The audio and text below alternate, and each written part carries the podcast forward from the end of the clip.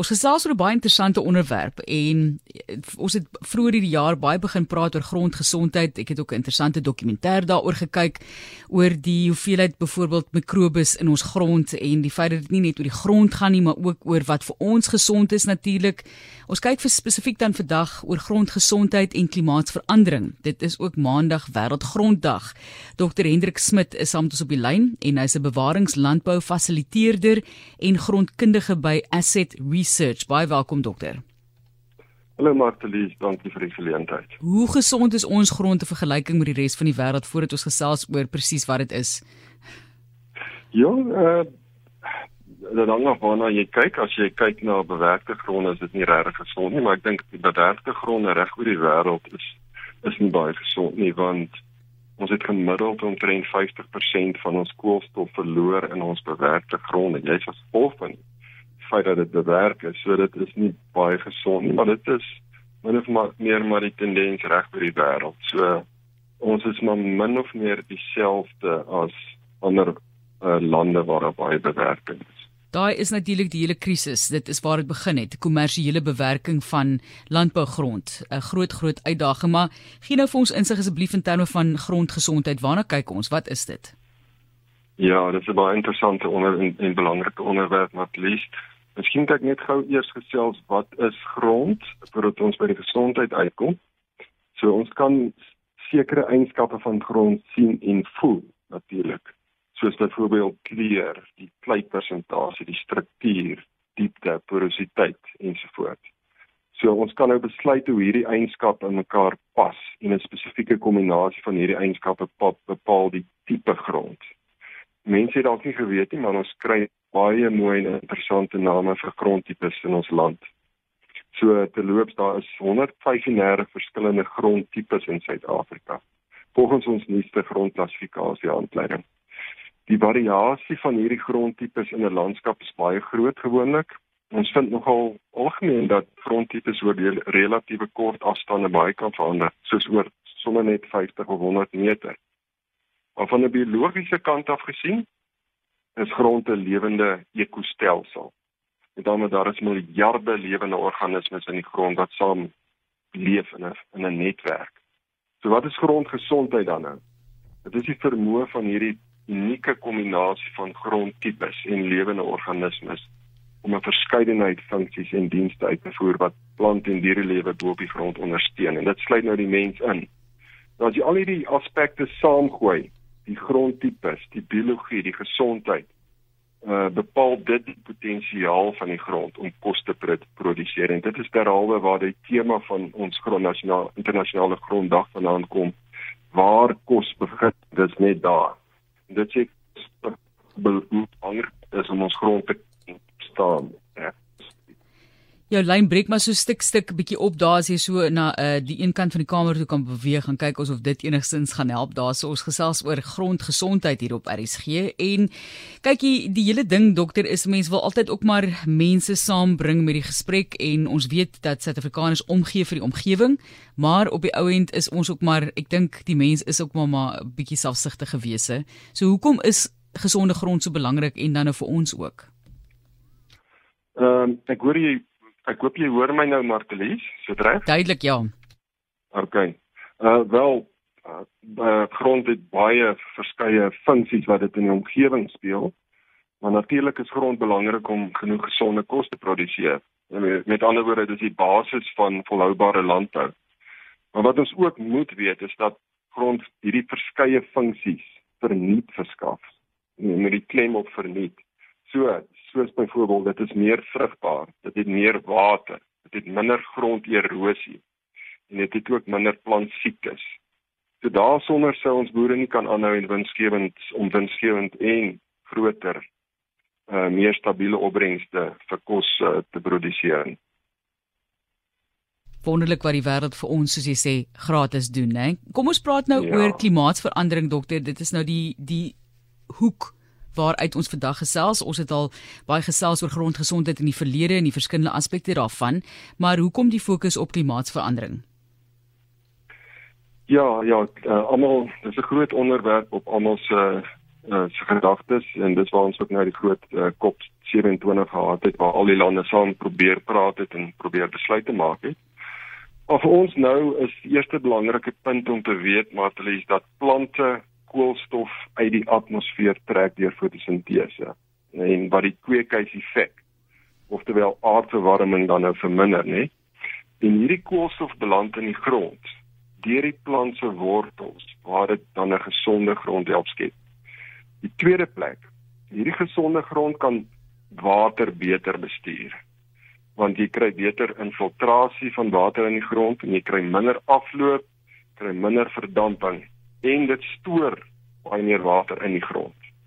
Dan gesonde grond kan uiterste temperature baie beter hanteer en beïnvloed.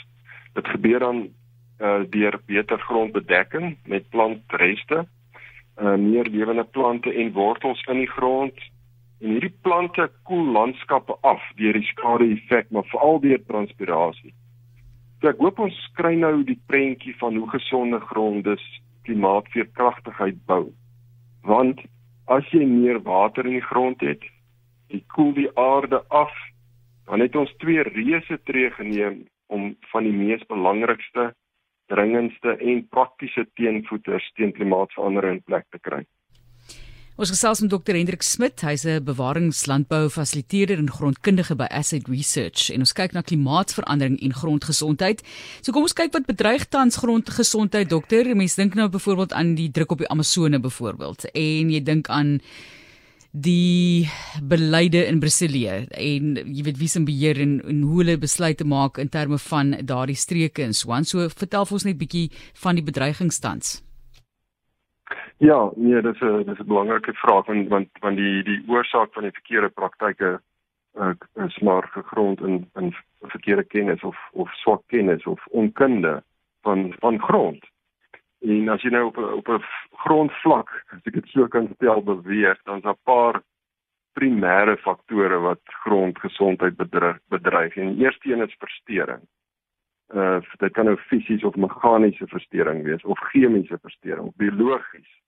Byvoorbeeld soos die bewerking of ploeg van grond of omskoffel in jou tuin en 'n oormaat chemikalieë soos kunsmis. Dit dit is die verstoring wat ons van praat.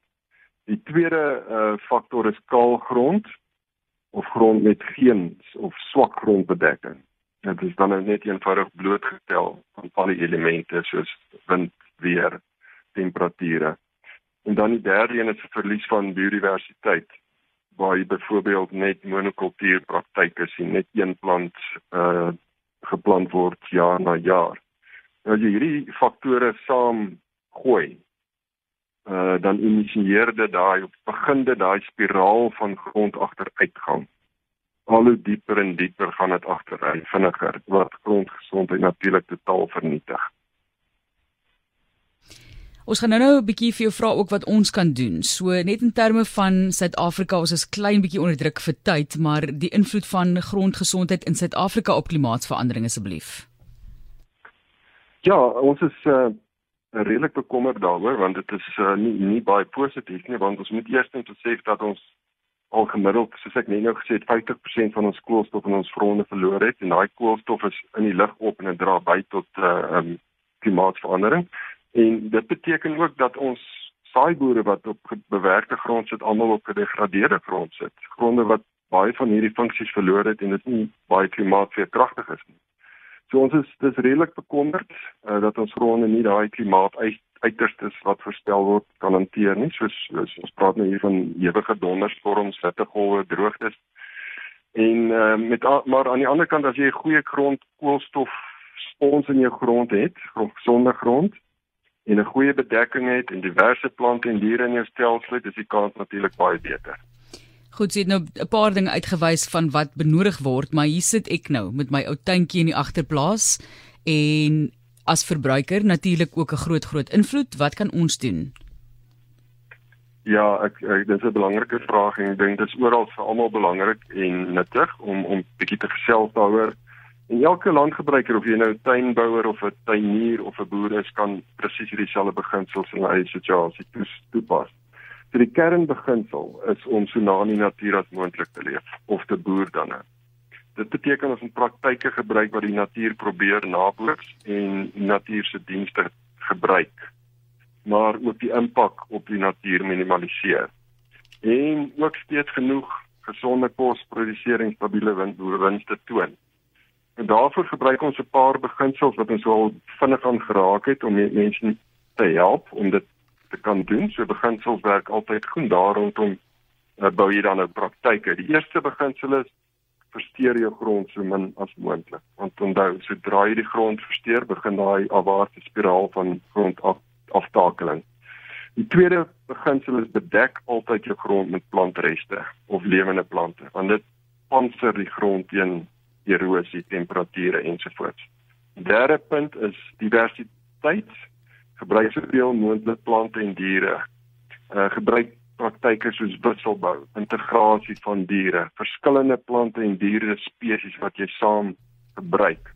Die vierde beginsel is lewende wortels wat jy so lank in die grond moet hou omtrent permanent want daai onthou daai wortels bring die koolstof af uit die atmosfeer deur die plant in die grond en dit gee kos vir daai miljarde en organismes in die grond. Nou om mee af te sluit Natalie, as jy hierdie beginsel saam goed kan doen in jou situasie waar dit ook al is, dan is daar legio voor voordele en dit is absolute gegeewe dat jy daai voordele sal kry soos soos ons dit nou al genoem het grondkoolstof, meer water in die grond, minder kweekhuisgasse, uh uh groter biodiversiteit en en vir ons wat wat wat die kos en die tema aan betref uh, van hierdie uh, internasionale gronddag beteken dan 'n groter stabiele produksie van gesonde kos en dan nou saam met dit winsgewendheid veral oor die langtermyn.